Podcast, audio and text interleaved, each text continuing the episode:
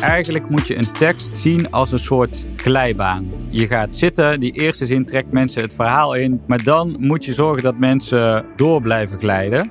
En eigenlijk zijn die dopamine shotjes een soort zetjes die mensen krijgen in een tekst. Korte zinnetjes, korte woorden die mensen nieuwsgierig maken naar wat er nog gaat komen.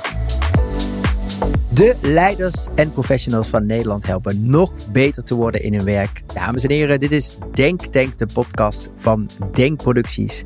En vandaag hebben we eigenlijk wel een hele bijzondere uitzending. Alle kinderen zijn ons natuurlijk even lief, maar vandaag hebben wij, ik doe de opening, Hans Jansen.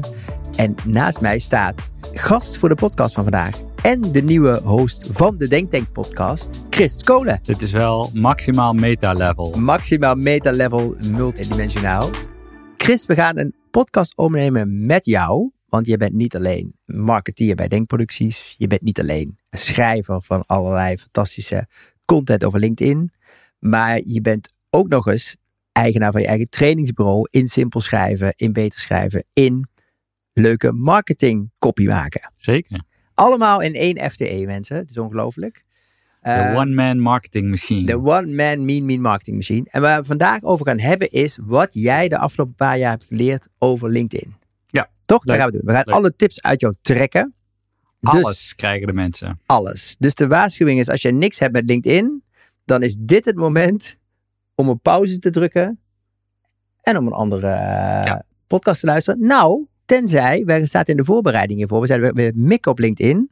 Maar eigenlijk wat je hier gaat leren, kun je ook gebruiken voor je nieuwsbrieven, e-mails. Ja, voor alles. Voorstellen aan je baas. Zeker. Dus Als je iets gedaan wil krijgen van iemand anders, en dat willen we eigenlijk allemaal, dan moet je toch blijven luisteren. Dus als je niks gedaan wil krijgen van niemand anders, dan kun je nu stoppen. En anders blijf je gewoon lekker luisteren.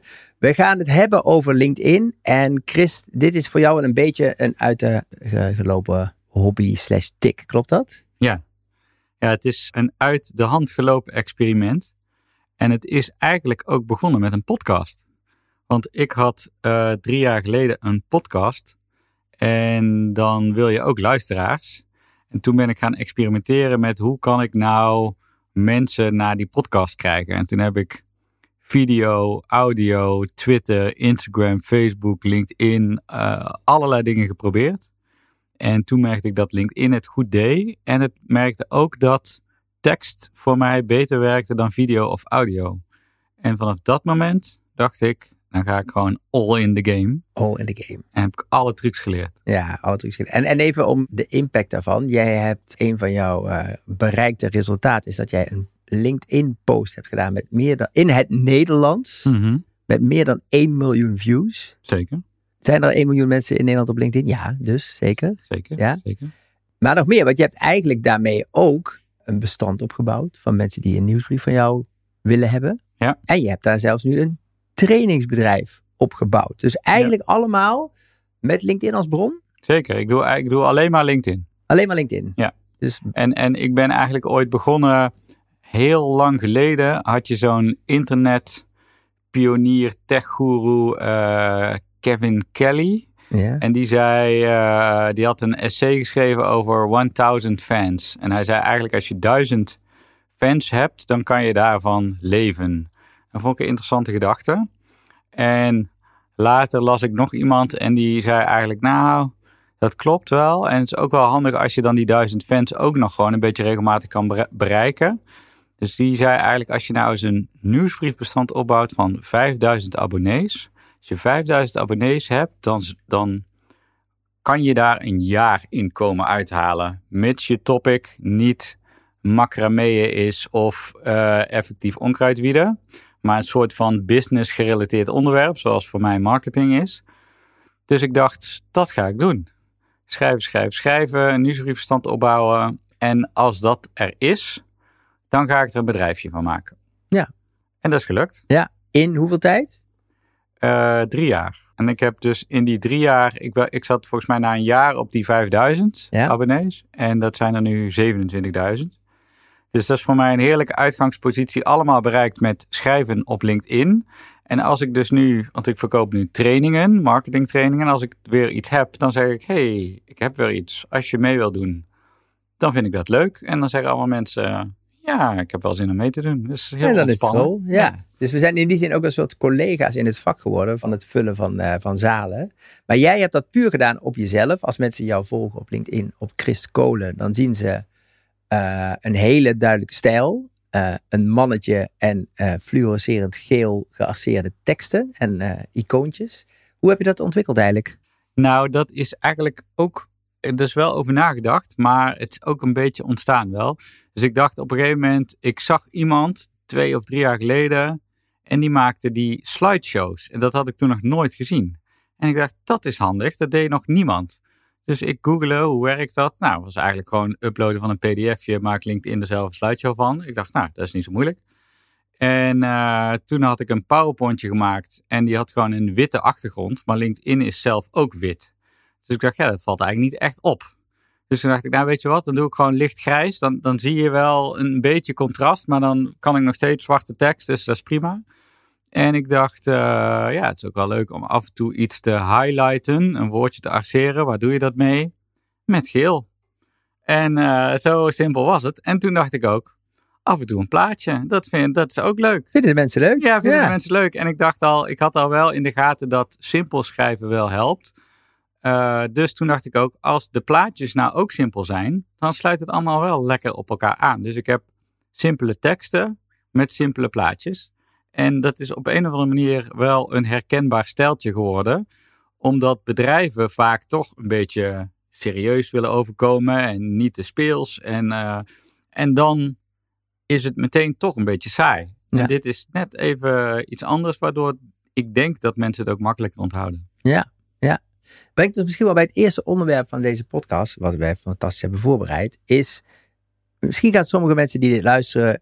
Uh, kijk, jij wil een uh, zelfstandig bestaan opbouwen. Je wil een database hebben van mensen die het leuk vinden wat jij doet. En daar vervolgens dan iets op aanbieden. Maar voor de gemiddelde luisteraar die de vraag heeft van ja, waar moet ik eigenlijk, wat, waar, waar moet ik het over hebben op LinkedIn? Mm -hmm. Want dat vinden mensen natuurlijk ongemakkelijk. Ja. Hoe, dus hoe heb is, jij dat eigenlijk Er is heel veel LinkedIn-jeuk. Ja. Van mensen die denken, ja, ik ga dat toch niet doen. Ik ga toch niet mezelf op het podium hijsen en mezelf op de borst kloppen. En ik snap dat heel goed. Maar je kan er ook op een andere manier naar kijken. En jij organiseert seminars met bekende sprekers. En in de jaren tachtig had je natuurlijk een aantal van die management-goeroes. En één daarvan was Tom Peters. Volgens mij is hij uh, nu dik in de 80. Ja, hij is net gestopt. Volgens mij hij was bijna 90. Ja, hij ja. schreef ruim 20 jaar geleden een artikel en dat heette The Brand Called You. En dat is eigenlijk is hij de grondlegger van de personal branding. En op het moment dat je personal branding zegt, dan gaan er ook heel veel mensen een teltje zoeken. Er wordt er heel veel gejeukt. Want ja. dan denken ze, ah, gadverdamme, dat is... Maar, dat snap ik ook nog. Maar Tom Peters is twintig jaar nadat dat artikel verscheen daar nog eens een keer op teruggekomen. En hij zei, heel veel, misschien heb ik het niet goed uitgelegd, want heel veel mensen hebben mijn artikel verkeerd begrepen. Die dachten dat ik bedoelde, klop jezelf op de borst, maak van jezelf een merk en uh, et cetera. Wat hij bedoelde was, de brand called you, zorg ervoor dat mensen weten waar ze voor, bij jou voor kunnen aankloppen. Dus je hoeft jezelf helemaal niet op de borst te kloppen, maar jij organiseert seminars. Iemand anders die coacht mensen of die helpt met accountancy of weet ik veel wat. En hij zegt eigenlijk, maak dat nou gewoon eens duidelijk. Dat als mensen een hulpvraag hebben, dat ze gewoon weten wie van die 200 of 300 kennissen kan me nou hierbij helpen. Dus het gaat niet over schrijven op LinkedIn, gaat voor mij niet over op je borst kloppen. Maar wel over nou ja, het uitdragen van je expertise op een manier dat andere mensen daar ook iets aan hebben. Ja, en, en dat is wat sympathieker dan zeggen: kijk naar mij, luister naar mij, uh, geef likes. Nee. Nee, want je hoeft niet eens, hè, de, de, de merendeel zal misschien niet eens iets te verkopen hebben. Nee. Maar je zegt eigenlijk als jij uh, politieagent bent, neem ons eens mee naar een dagje ja. van een politieagent. Hoe ga je om met een uh, overval, met, ja. met dat je s'avonds op de bank zit en het ongemakkelijk vindt. Dus vertel wat jou zelf fascineert in je vak. Denk en dat wel, komt vanzelf ja. wel denk, goed. Ik denk dat als je dus je eigen ervaringen deelt, dat mensen dat bijna altijd interessant vinden. Want iedereen is, die staat zelf op een bepaalde manier in het leven. En die kijken ook naar hoe doen andere mensen dat nou. En als je, als je daar dus over schrijft, je deelt je ervaring of je deelt je expertise of wat je ook maar kwijt wil. Dan is dat bijna per definitie interessant. Mits je het wel een klein beetje lekker opschrijft. Dat Ja, is dan ook wel belangrijk. Ja, ja, dus eigenlijk, je moet vooral de schaamte even laten, laten hangen van wie zit hierop te wachten. Ja. Maar als je deelt van waarom vind ik eh, fiscale eenheden tussen Nederland en Guatemala zo'n fantastisch onderwerp, Zo, zeker. dan is, het de, dan is het de moeite waard om jouw fascinatie daarover te delen. En dan ga je daar, dan gaat dat ook vanzelf goed. En ik denk dus ook dat veel mensen die zeggen dan wel, ja, ik ben eh, X, Y, Z. Maar wie zit er nou op te wachten? En ik denk dus wel dat je, er gebeuren de hele tijd dingen in je werk, in je leven. Je leest iets interessants, er komt iets voorbij op het nieuws. Wat je kan koppelen aan jouw vakgebied of jouw fascinatie. Dus dan hoeft het ook niet de hele tijd, hoef je niet te zenden over eh Guatemalese accountancy. Maar dan kan je wel zeggen, hey, in het nieuws was dit en dit en dit. In Zuid-Amerika kijken ze daar op deze manier naar. En eh, het is misschien wel interessant om eens met die blik naar de problematiek van nu te kijken. Dus je kan allerlei haakjes vinden om jouw eigen topics interessanter te maken voor een bredere groep mensen. Maar je gaf net al de indraaiende voorzet, maar ik kopte hem nog even naast. Je moet wel simpel schrijven, want Help. het wordt heel snel saai. Het wordt heel snel saai. Heel snel saai. Daar ben jij wel de koning in. Keizer Nou, en admiraal tegelijk. Ja, Ehm, ik, heb, ik heb eigenlijk gewoon veel getest. En ik denk dat simpel schrijven altijd helpt. Maar op LinkedIn helemaal. Want als je erover nadenkt, wanneer gaan mensen op LinkedIn? Als ze net eh, uit een zware meeting komen, als ze net drie ingewikkelde e-mails door hebben. Het is eigenlijk even een stukje afleiding en een stukje ontspannen. Als je dan vervolgens weer iets moeilijks en eh doorvrochts gaat publiceren, dan denken mensen, "Poh, dit voelt eigenlijk net als werk. Daar wilde ik eigenlijk nou net aan ontsnappen. En dan gaat het dus niet zo lekker. Ja. Terwijl als je iets simpels opschrijft, dat het zo naar binnen glijdt, dan denken mensen, ah, kost me eigenlijk heel weinig moeite. Ik blijf hier wel even hangen. Ja. Dus daar heb ik me wel in gespecialiseerd, ja. En nou zei eh, de wereldberoemde filosoof eh, Johan Cruijff al van eh, voetbal is makkelijk, maar er is niks zo moeilijk als makkelijk voetballen. dat Mhm. geldt, datzelfde geldt denk ik ook voor schrijven, toch? Het is Zeker. best ingewikkeld Ja. om jezelf aan te leren om, om simpel te schrijven. Ja, het is heel ingewikkeld om, om, om simpel te schrijven. Maar tegelijkertijd zijn er wel, denk ik, een paar simpele vuistregels te bedenken. Oké, Eén daarvan is bijvoorbeeld, zeg dat dat simpele vuistregels zijn. Dan gaat Zeg, iedereen denken, simpele- yes! eh, het simpele ja, ja, ja. Nee, dus het is niet makkelijk. Tegelijkertijd, als je dus een beetje aan die stelregels houdt, dan kom je een heel eind. En eigenlijk weten we het allemaal al wel, maar soms heb je een beetje herhaling nodig. Een van die dingen is bijvoorbeeld een lange zin met een komma en een tussenstuk, et cetera. En dan ben je aan het einde van die zin en dan denk je eigenlijk, waar ging dit eigenlijk ook alweer over?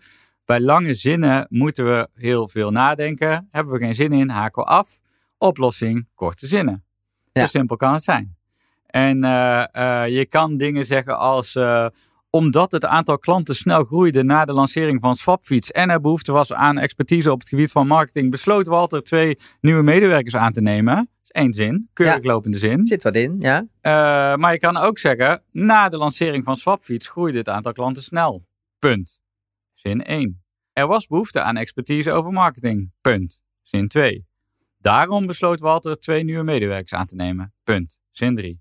Drie keer een pauzemomentje. Even op adem komen en het glijdt zo naar binnen. Ja. En het is wel zo, ik zeg altijd, houd 80% van je zinnen super kort. Omdat als je al je zinnen eh, heel kort gaat maken, dan wordt de tekst een beetje staccato. Dus af en toe een keer een wat langere zin, dat mag best. Zolang je maar het gros kort houdt. Precies. En eh, je kunt die korte zinnetjes, daar kun je gewoon lekker mee tussendoor strooien, waardoor het ook in totaal Ja. leven goed lekker naar binnen Ja. eh, glijdt. Ja. Betekent dat eigenlijk, zodra je de tweede keer een werkwoord gebruikt, dat er een alarmbel af moet gaan? Is dat een soort vuist, ja. vuistregeltje? Ja, zeker. Zeker. En je ziet eigenlijk ook dat, en dat is er een beetje aan gerelateerd, dat als je dat tweede werkwoord gaat gebruiken, dan, dan ga je eigenlijk automatisch in één zin twee inhoudelijke punten maken. En dat is eigenlijk ook weer ingewikkeld, want je wil eigenlijk gewoon bij iedere zin maar één punt maken. Dus 80% van je zinnen super kort houden. En de tweede is eigenlijk hou maar gewoon één inhoudelijk punt aan. Ja. Dan maakt het gewoon weer makkelijker. Je maakt één punt, dan het volgende en zo weer door. Jij bent volgens mij in jouw post ook wel een beetje de koning van de witregels. Vaak zie je, een LinkedIn post zie je echt van die bakstenen tekst. Ja. Je zijn wel allemaal korte tekstjes. Ja. Maar volgens mij, zodra je er doorheen scrolt en je ziet zeven, acht regels en dan een keer wit, dan ga je niet beginnen. Nee. Wat is de Chris Kolen formule voor witregels? Ja, dus ik gebruik echt veel witregels. Dus ik probeer uh, om de twee zinnen zeker wel een witregel te doen. Precies om wat jij zegt te voorkomen dat je zo'n soort baksteen van tekst krijgt, waardoor je geen, geen zin hebt om te lezen. Die witregels zijn eigenlijk net zoals punten. Het zijn eigenlijk rustmomenten in een tekst. En het helpt mensen ook die gewoon even snel scannen. Elke na een witregel, elke zin die daar begint, is eigenlijk iets waar je weer even kan aanhaken op een tekst. Ja. Zal ik je nog een, een leuk feitje geven over witregels? Als je nee zegt, krijg je hem ook. En dan, dan heel graag. nee, ik, ik las laatst uh, in de Volkskrant magazine dat de witregel ooit is uitgevonden. En je denkt natuurlijk, uh, hè, moet je dat uitvinden? Uh, dat was er toch altijd al? Nee, zeker niet. In tijden van de boekdrukkunst, boekdrukken, was het eigenlijk de gewoonte dat alle tekst onder elkaar stond.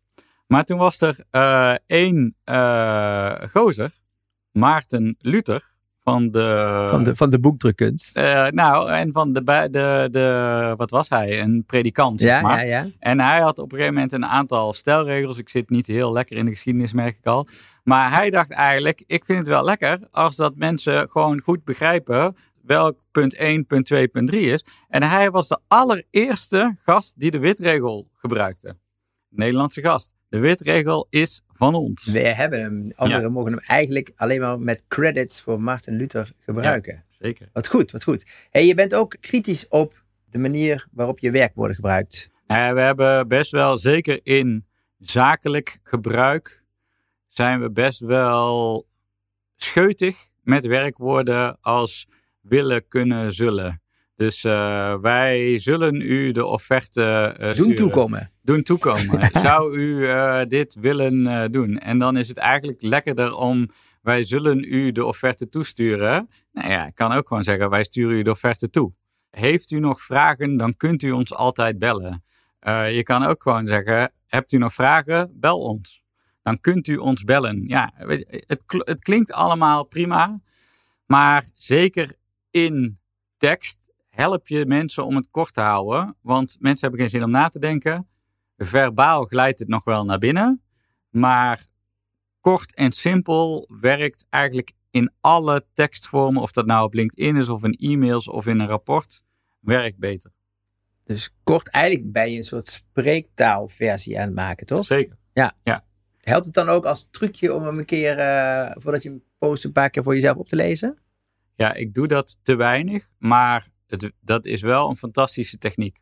Omdat je dan eigenlijk al automatisch hoort waar het niet lekker loopt. Ja. En je merkt ook al dat als je het aan het oplezen bent en je struikelt ergens, dan is dat al een teken aan de wand dat het gewoon te ingewikkeld is. Ja. Ja. Dus eh, ja, die werkwoorden, hulpwerkwoorden, eigenlijk zoveel mogelijk schrappen. We gaan ook nog zo meteen naar het volgende onderwerp. Dat gaat over eh, aantrekkelijk schrijven. Hoe je mensen in je verhaal meeneemt. Want ja, het is toch een battle for attention. Heb je nog één simpel schrijftip die wij niet mogen vergeten voordat we de volgende LinkedIn post gaan beginnen? Ja, ik denk eigenlijk eentje. In elke zin maak je een punt. En we hebben net al gezegd, maak maar één punt per, per zin.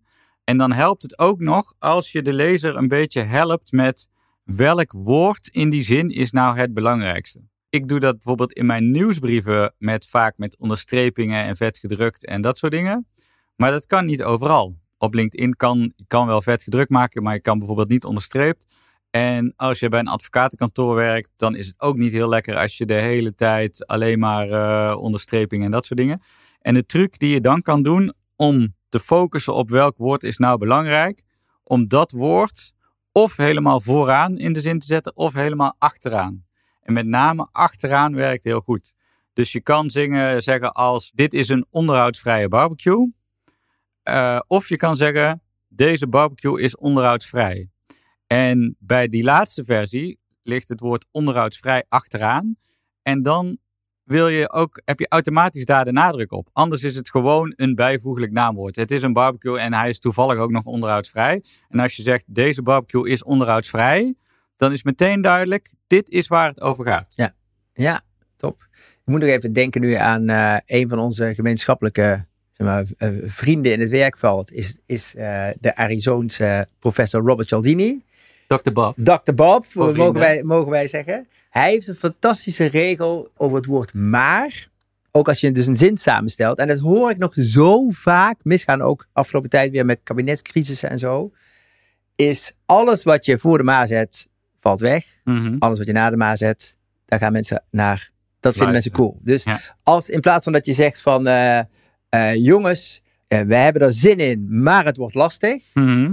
Kun je ook zeggen, jongens, het wordt lastig, maar we hebben er zin in. Ja. En dat is dezelfde zin. Precies. En hij heeft allerlei van die, van die voorbeelden. Hij heeft dus allemaal uit speeches, belangrijke speeches. Heeft gezegd, "Ah, Wat gebeurt hier? waarom zet je het belangrijkste voor de maar? Je Ja. moet het allemaal Ja. na de maar zetten. Ja, En toen dacht ik, oh ja, dat is wel, eh, dat, is, dat moet de dokter. Bob toch ook even eh, eh, genoemd hebben. Ja. Oké, we hebben nu een paar ideeën. Korte zinnen, één punt per zin, belangrijke woord aan het einde, strooien met witregels, En schrap de hulpwerkwoorden. schrap de hulpwerkwoorden. Dan hebben we het al behoorlijk opgeschoond qua hoeveelheid woorden en hoeveelheid complexiteit. En wat je dan nog, dat is even de laatste metatip over simpel schrijven. Ja. Want ik kan me ook voorstellen dat je het hoort, dat je denkt, ah ja, ja, ja maar eh, ingewikkeld. Je kan ook gewoon prima zeggen, ik schrijf eerst mijn tekst. Ja. En ik ga daarna in het redigeren, in het editen, dan ga ik die dingen toepassen. Want het is best moeilijk om al die dingen tegelijk te doen. Je wordt er vanzelf beter in. Maar schrijf gewoon eerst wat je wil en ga dan kijken, oh deze zin kan korter. Oh hier staat een hulpwerkwoord. Oh dit eh, maak van bijvoeglijk naamwoord gaat naar achteraan de zin. Dus dan hoef je niet alles tegelijk Ja. te doen. Gewoon eerst schrijven, dan deze eh, vijf tips toepassen. Eerst een homp klei pakken en daarna boetseren pas. Ja. Ah, top, top, top. Oké, onderwerpje 2. We hebben het kort gehouden. We, we, we hebben het versimpeld. Ja. Maar dan is de vraag, het is natuurlijk een strijd om aandacht. Ja. Hoe zorg je ervoor? Hè? Bij LinkedIn is het ook nog zo dat je natuurlijk niet alles meteen krijgt te zien. Je moet hem Nee. openklikken. Ja. Wat zijn daarbij de filosofische wetten van Chris Kolen? Je hebt er eentje en die gaan mensen nooit meer vergeten. Hè? Want ik weet natuurlijk wat er gaat komen op dit punt. En dan krijgt iedereen ook die nu dit in zijn koptelefoontjes eh, luistert meteen een beetje trek van. Want, Chris, we beginnen met Chips. chips. Chips. Nee, ja, ik heb dit eh, de regel van chips genoemd, omdat iedereen kent het fenomeen. Je trekt een chipszak open en je denkt, ik pak één chipje voor de smaak. En eh, een kwartier later is de hele zak leeg.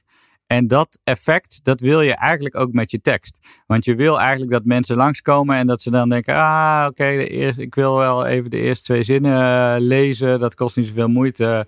Ik ben eigenlijk niet van plan om dit hele artikel te lezen. Maar als die eerste één of twee zinnen lekker zijn, als dat een chipje is, dan gaat je hele artikel naar binnen. En dat is eigenlijk wat je graag wil. Dus eh, chips, dat is een goede regel inderdaad. En hoeveel, eh, hoeveel woorden slash zinnen heb je bij LinkedIn voordat die eh openklapt? Je hebt, om vrij precies te zijn, 215 karakters. Oké. Ja, en ik weet dat omdat ik besteed vrij veel aandacht daaraan. Omdat ik inderdaad weet, je moet dan daar op lees meer klikken. Ja. Dus beter is het stukje wat gewoon bij iedereen in de feed komt, aantrekkelijk genoeg om door te klikken. Ja. Hans en Christ namen een podcast op in het tuinhuisje van Hans. Maar wat Hans niet kon vermoeden. Ah, ah, je lees meer. Ja, ja, precies. ja. ja. Dus zijn er, eh, zijn er soort van eh, categorieën, tekstideeën om de, de lees meer, meer aan te jagen? Eh jazeker, daar zijn eh, verschillende tips voor. En het is geen uitputtend lijstje. Maar ik heb wel een soort van, eh, nou ja, een, een aantal dingetjes bedacht die mensen kunnen gebruiken. Dus je kan bijvoorbeeld beginnen met een gedurfde stelling. Als je denkt, mijn innerlijke Sander Schimmelpenning, ik laat hem even los. En ik heb een tijdje rondgelopen in een bedrijf. En dan denk je eigenlijk, wat doen al die managers hier toch? Voegt dat wel wat toe? Dan kan je een artikel bijvoorbeeld beginnen met een stelling als 90% van de middelmanagers voegt weinig tot geen waarde toe. Dat is gewoon een Sander Schimmelpenning-eske Ja. eh, stelling. En daarmee beloof je eigenlijk ook meteen een soort ander perspectief op een heersend denkbeeld. En dan worden mensen nieuwsgierig. Ja. Dus gedurfde stelling werkt altijd goed. Maar je kan ook het wat subtieler doen.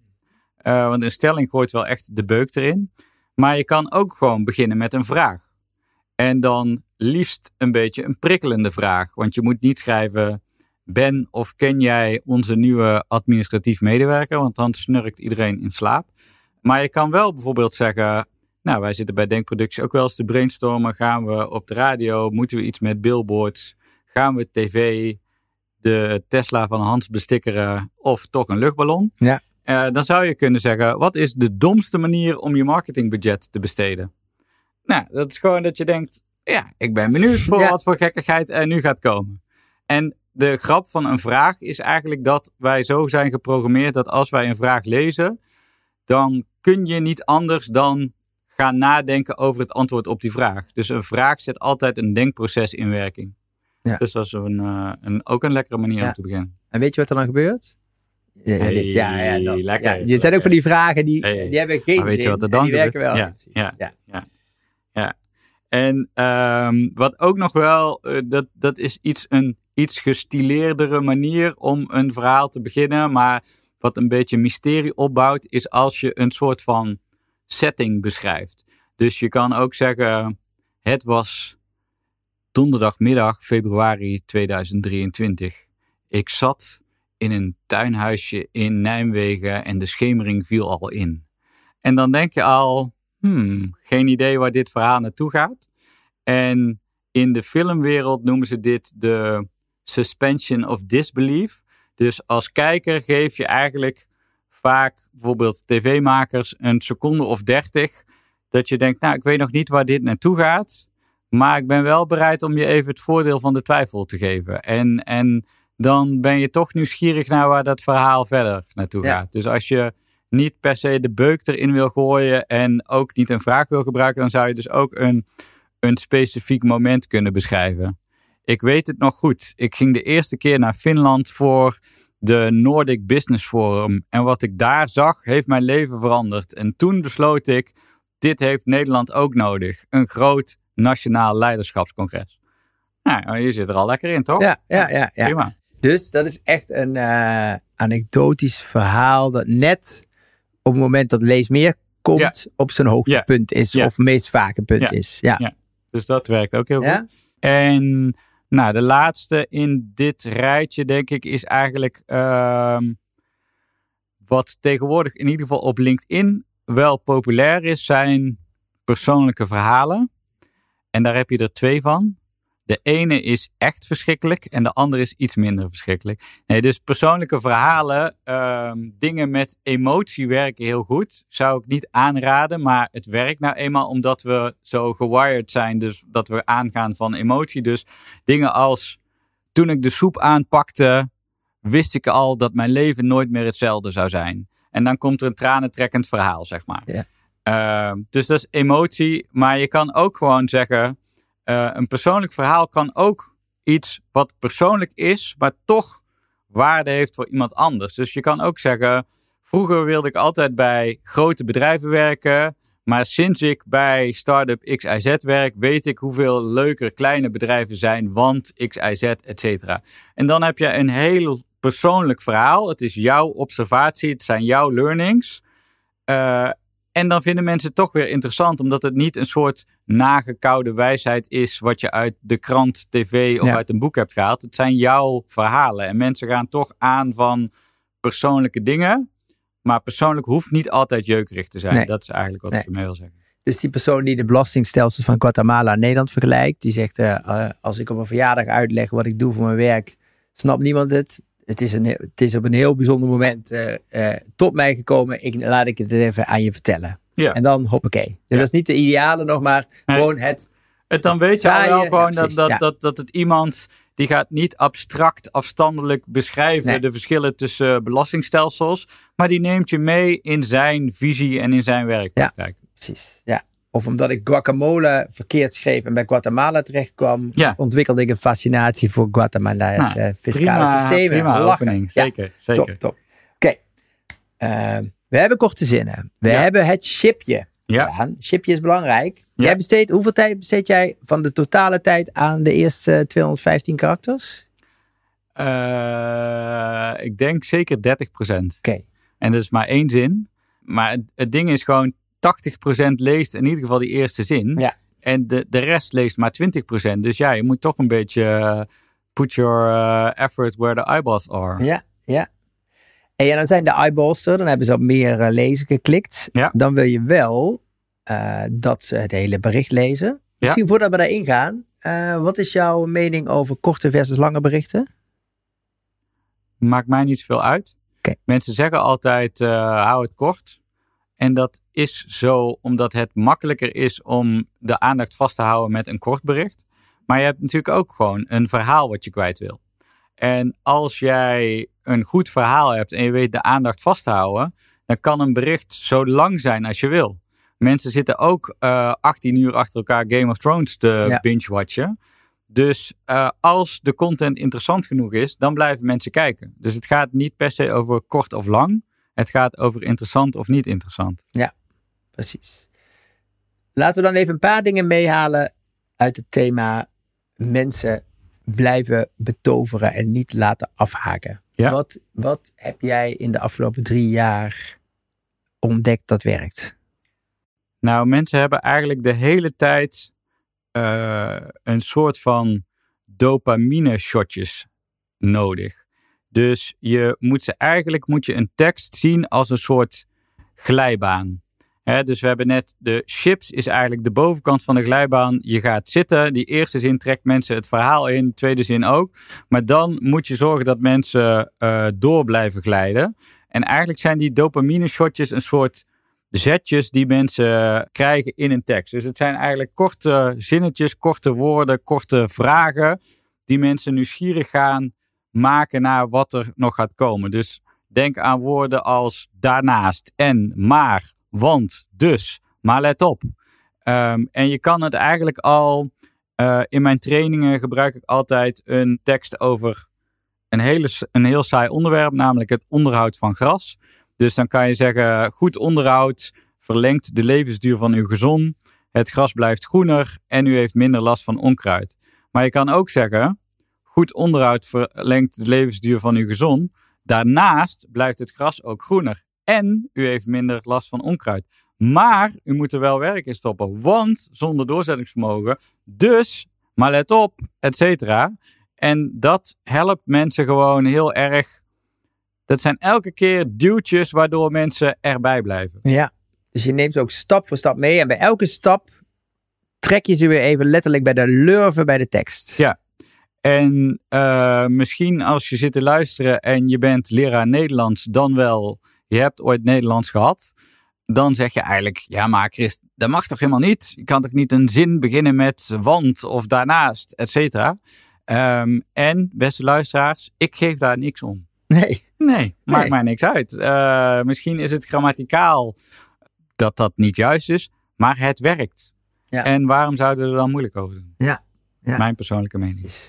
Eén uh, misschien tip van, uh, van mij is nog, als je gaat googlen, ga een keer googlen op zoals ze dat bij Blendel deden. Het gaat ook Oh, een ja. beetje over koppen, maar ook wel over teksten. Ja, Uh, ze hebben heel goed onderzocht van welke woorden heb je nodig om mensen bij de, aan, hè, om de aandacht erbij te houden. En er zijn drie soorten woorden.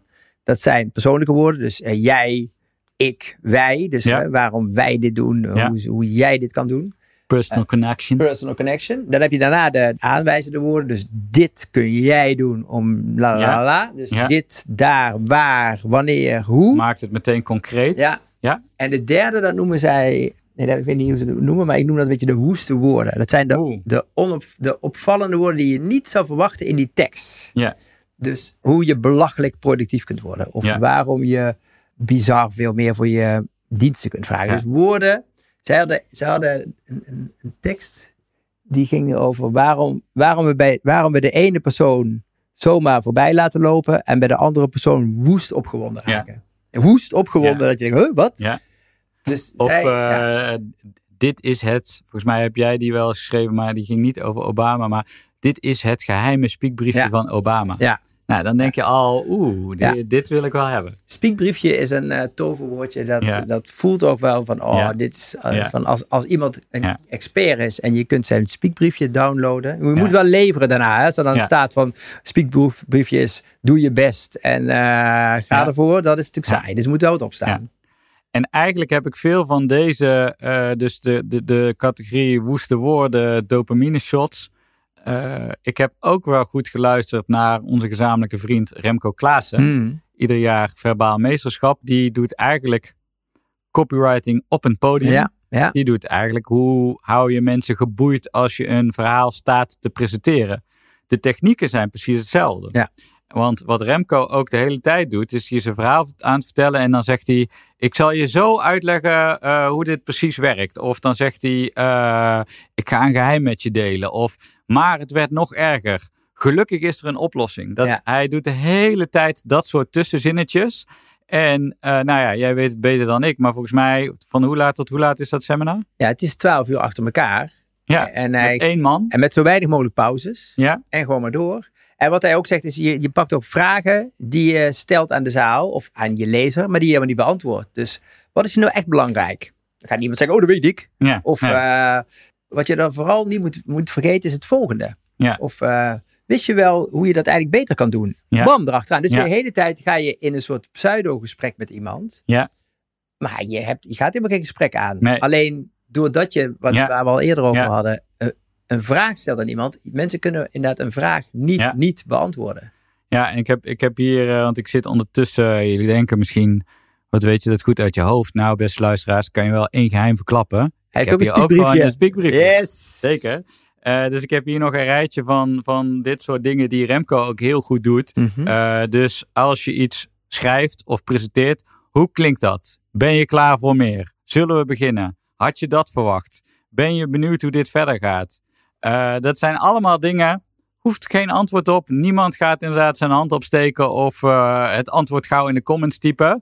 Maar het activeert een deel van je hersenen waardoor je erbij blijft. Dus dat zijn eigenlijk de, de dingen. En je kan ook een beetje inspelen op gevoel. Hè? Dus eh, het is makkelijker dan je denkt. Of je vraagt je misschien af. Of laat me raden. Of maar waarom zou je me vertrouwen? Weet je, dat zijn ook allemaal dingen die ook nog er een soort emotionele lading opleggen. Ja, ja. En als je dus zegt, we hebben chips. Mhm. We hebben ze erin eh, getrokken.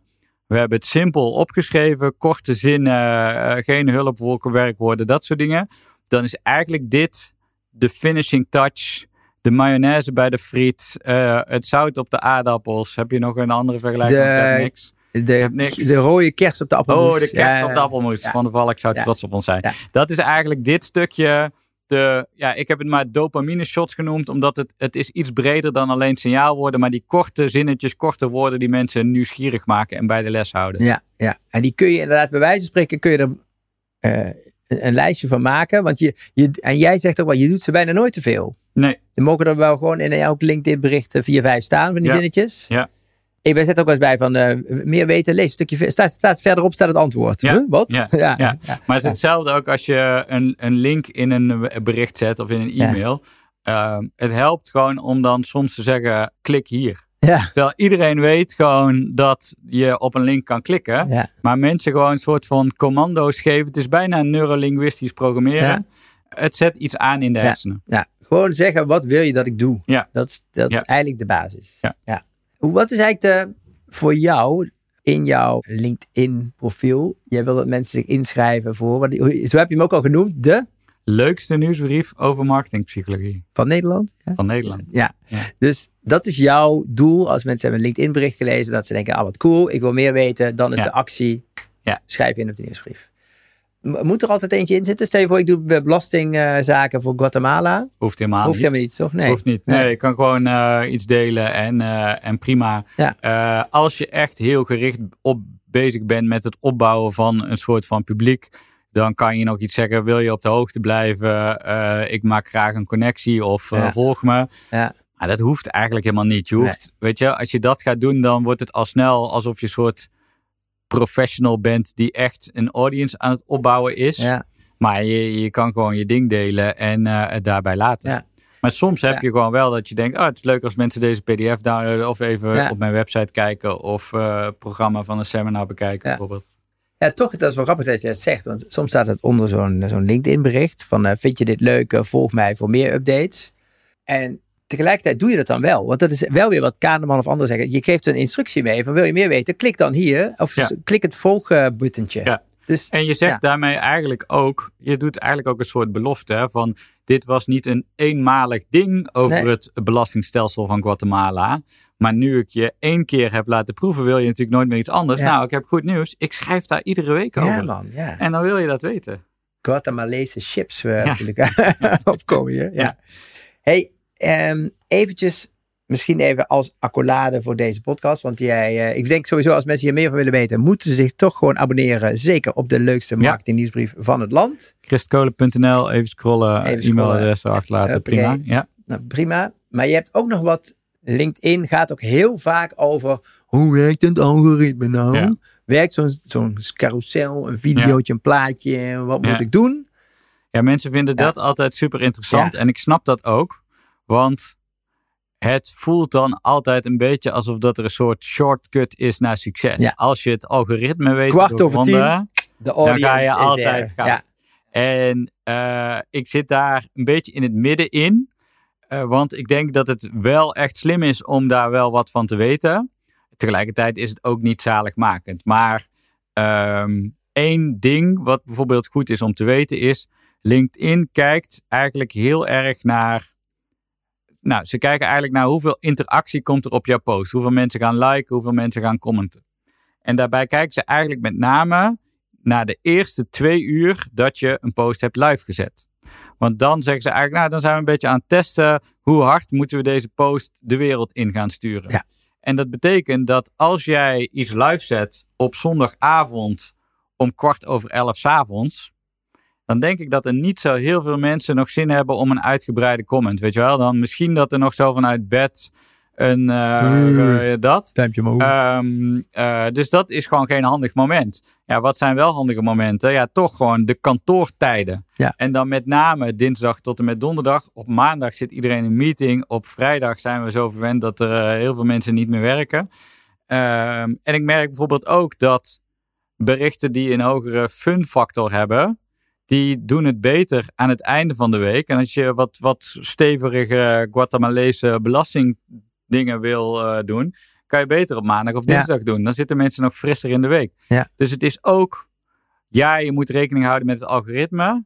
Maar wat eigenlijk helpt, en dat helpt met alles in je leven, gezond verstand gebruiken. ja, en zorgen dat het ergens over gaat. Dat helpt. Ja, dat is uiteindelijk de belangrijkste differentiator. Als je goede, interessante, leuke stukjes schrijft, simpel geschreven, eh, pakkende opening, eh dopamine shotje ertussen, dan komt het uiteindelijk bovendrijven.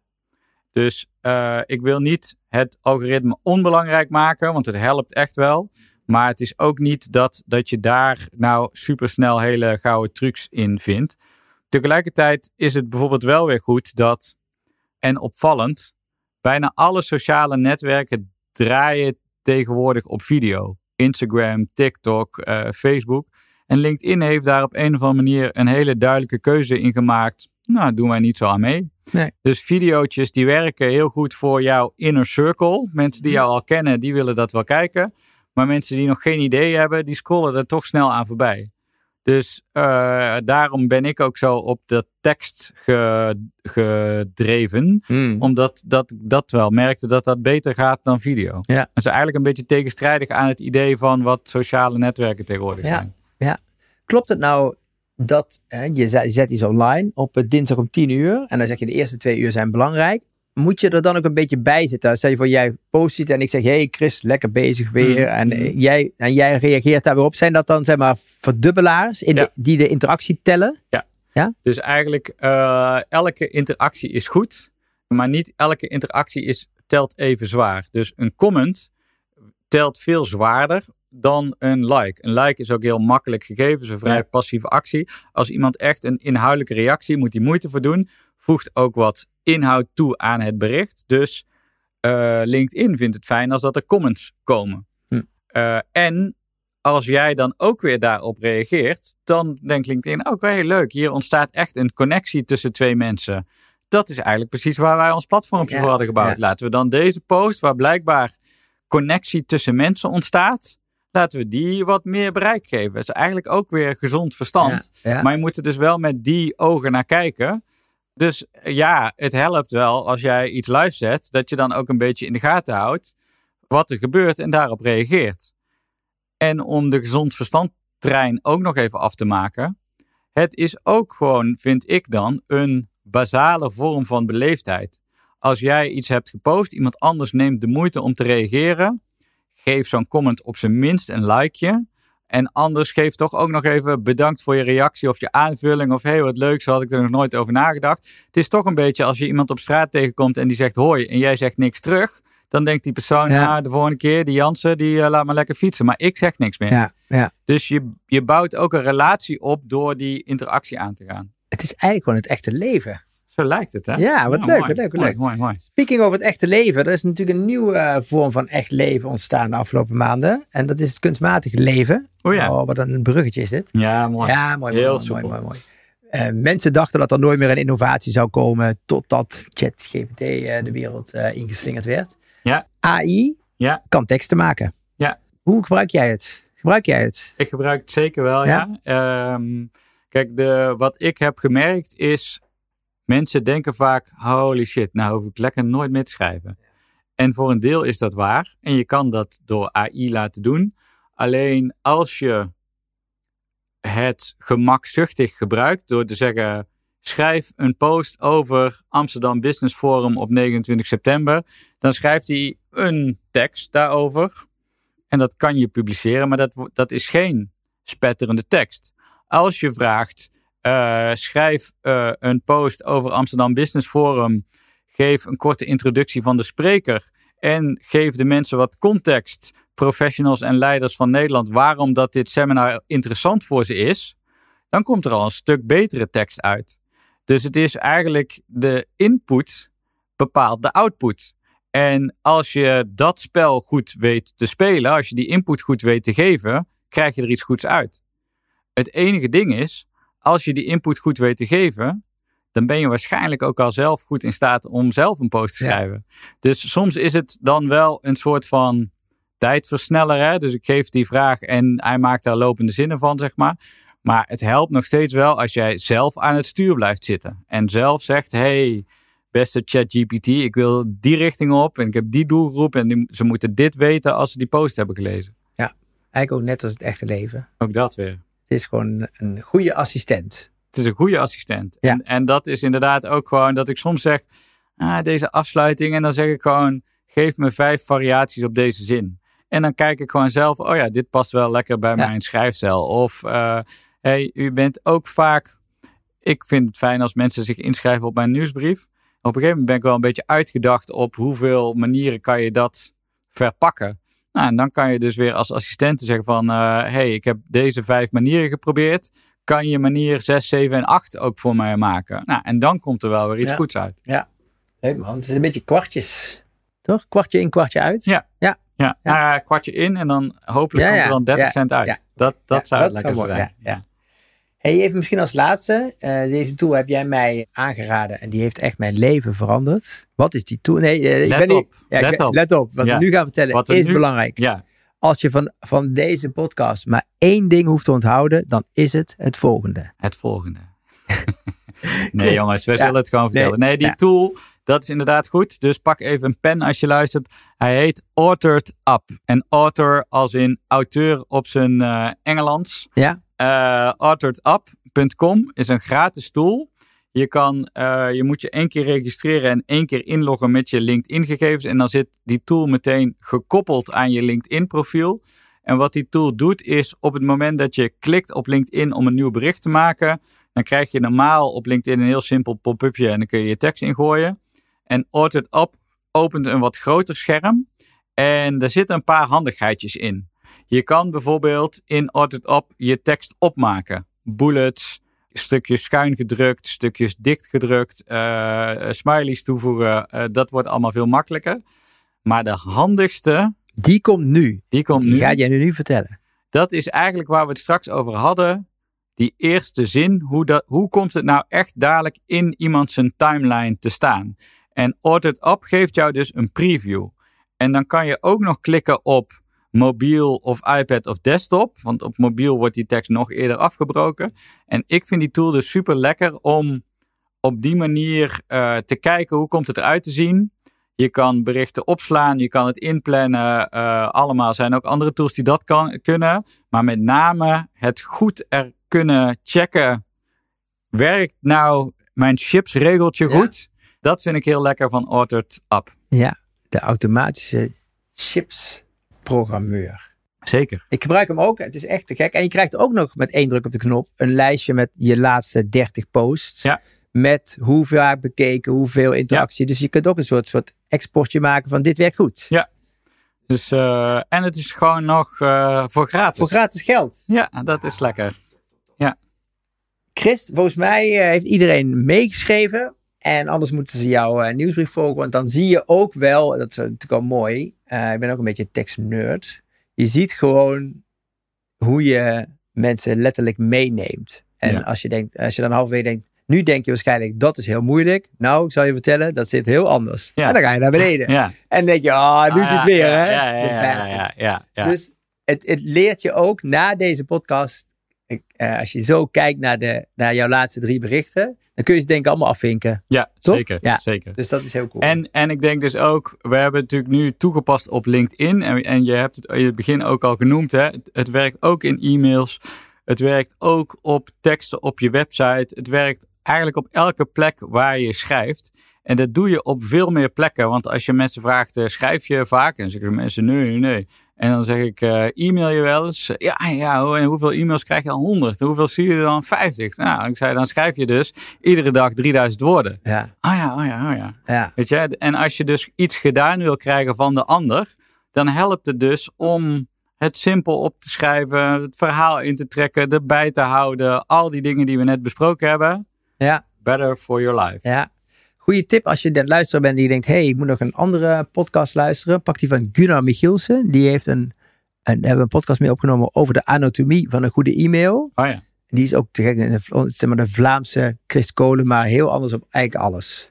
Oh, Ja, maar Dus wel... eh, hetzelfde, maar anders. Hij is hetzelfde, Ja. maar totaal onvergelijkbaar. Ja. Eh, maar hele goede tips ook specifiek over het schrijven van e-mails. En eh, dat we dat ooit nog deden met de AI, AIDA-formule, maar die werkt helemaal niet bij mails. Nee, nee. Dus wat dan wel werkt, Gunnar Michielsen in de Denk Tank podcast. Eh Christ, ik vond dit wel leuk. Vanaf nu gaan we weer, dan gaan we niet tegenover elkaar staan, maar side by side. Gaan we weer eh, podcastjes opnemen met de mensen en voor de mensen. Maar ik vond het heel gaaf om eventjes in jouw LinkedIn trucendoos te mogen grasduinen. En, want wij gaan mensen interviewen. Eigenlijk veel zitten we rondom eh, Amsterdam Business Forum, Yes. 29 september. Ja. Heb je al gasten in je hoofd waar je nu mee bezig bent? Kan je al tipjes op, oplichten of is dat nog lastig? Nee, dat is niet lastig. Wij gaan binnenkort, komt er eentje eh, uit met Brit Breuren van AFAS Oh ja? in Leusden. Wij gaan nog op bezoek bij Ben Jerry's in Rotterdam. Ja. Met Lilian Gijzen. Die is eh, Europees baas van Ben Jerry's. Daar gaan we mee in gesprek. Verder krijgen we een aantal eh, sprekers en auteurs voorbij die bijvoorbeeld een nieuw boek hebben uitgebracht. We gaan, hè, bijvoorbeeld, we gaan, ook, we gaan live podcasts doen trouwens, volgend jaar. Mhm. Een aantal.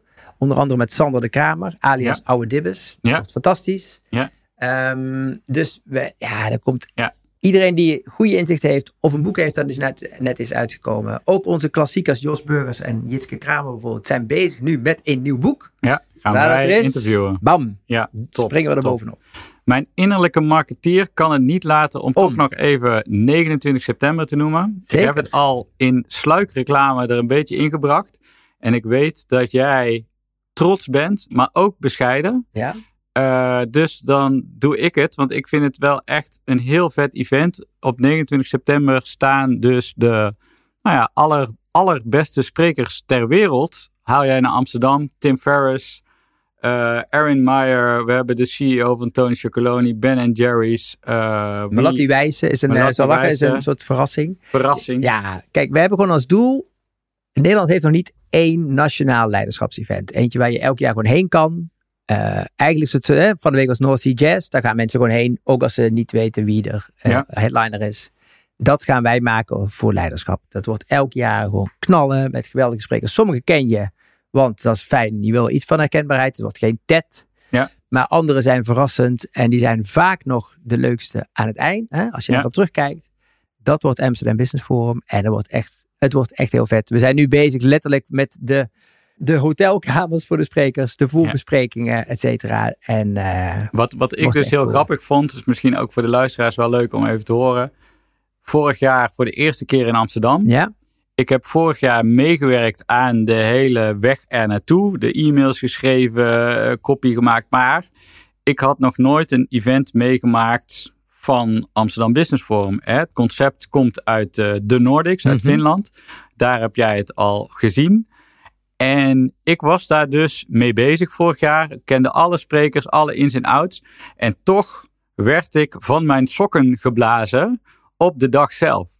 Dus dat wil ik eigenlijk ook nog wel even meegeven aan de luisteraars. Van ja, je, je hoort nou dit, dat je denkt, oh ja, ja, wel een leuk eh, eventje, dit en dat.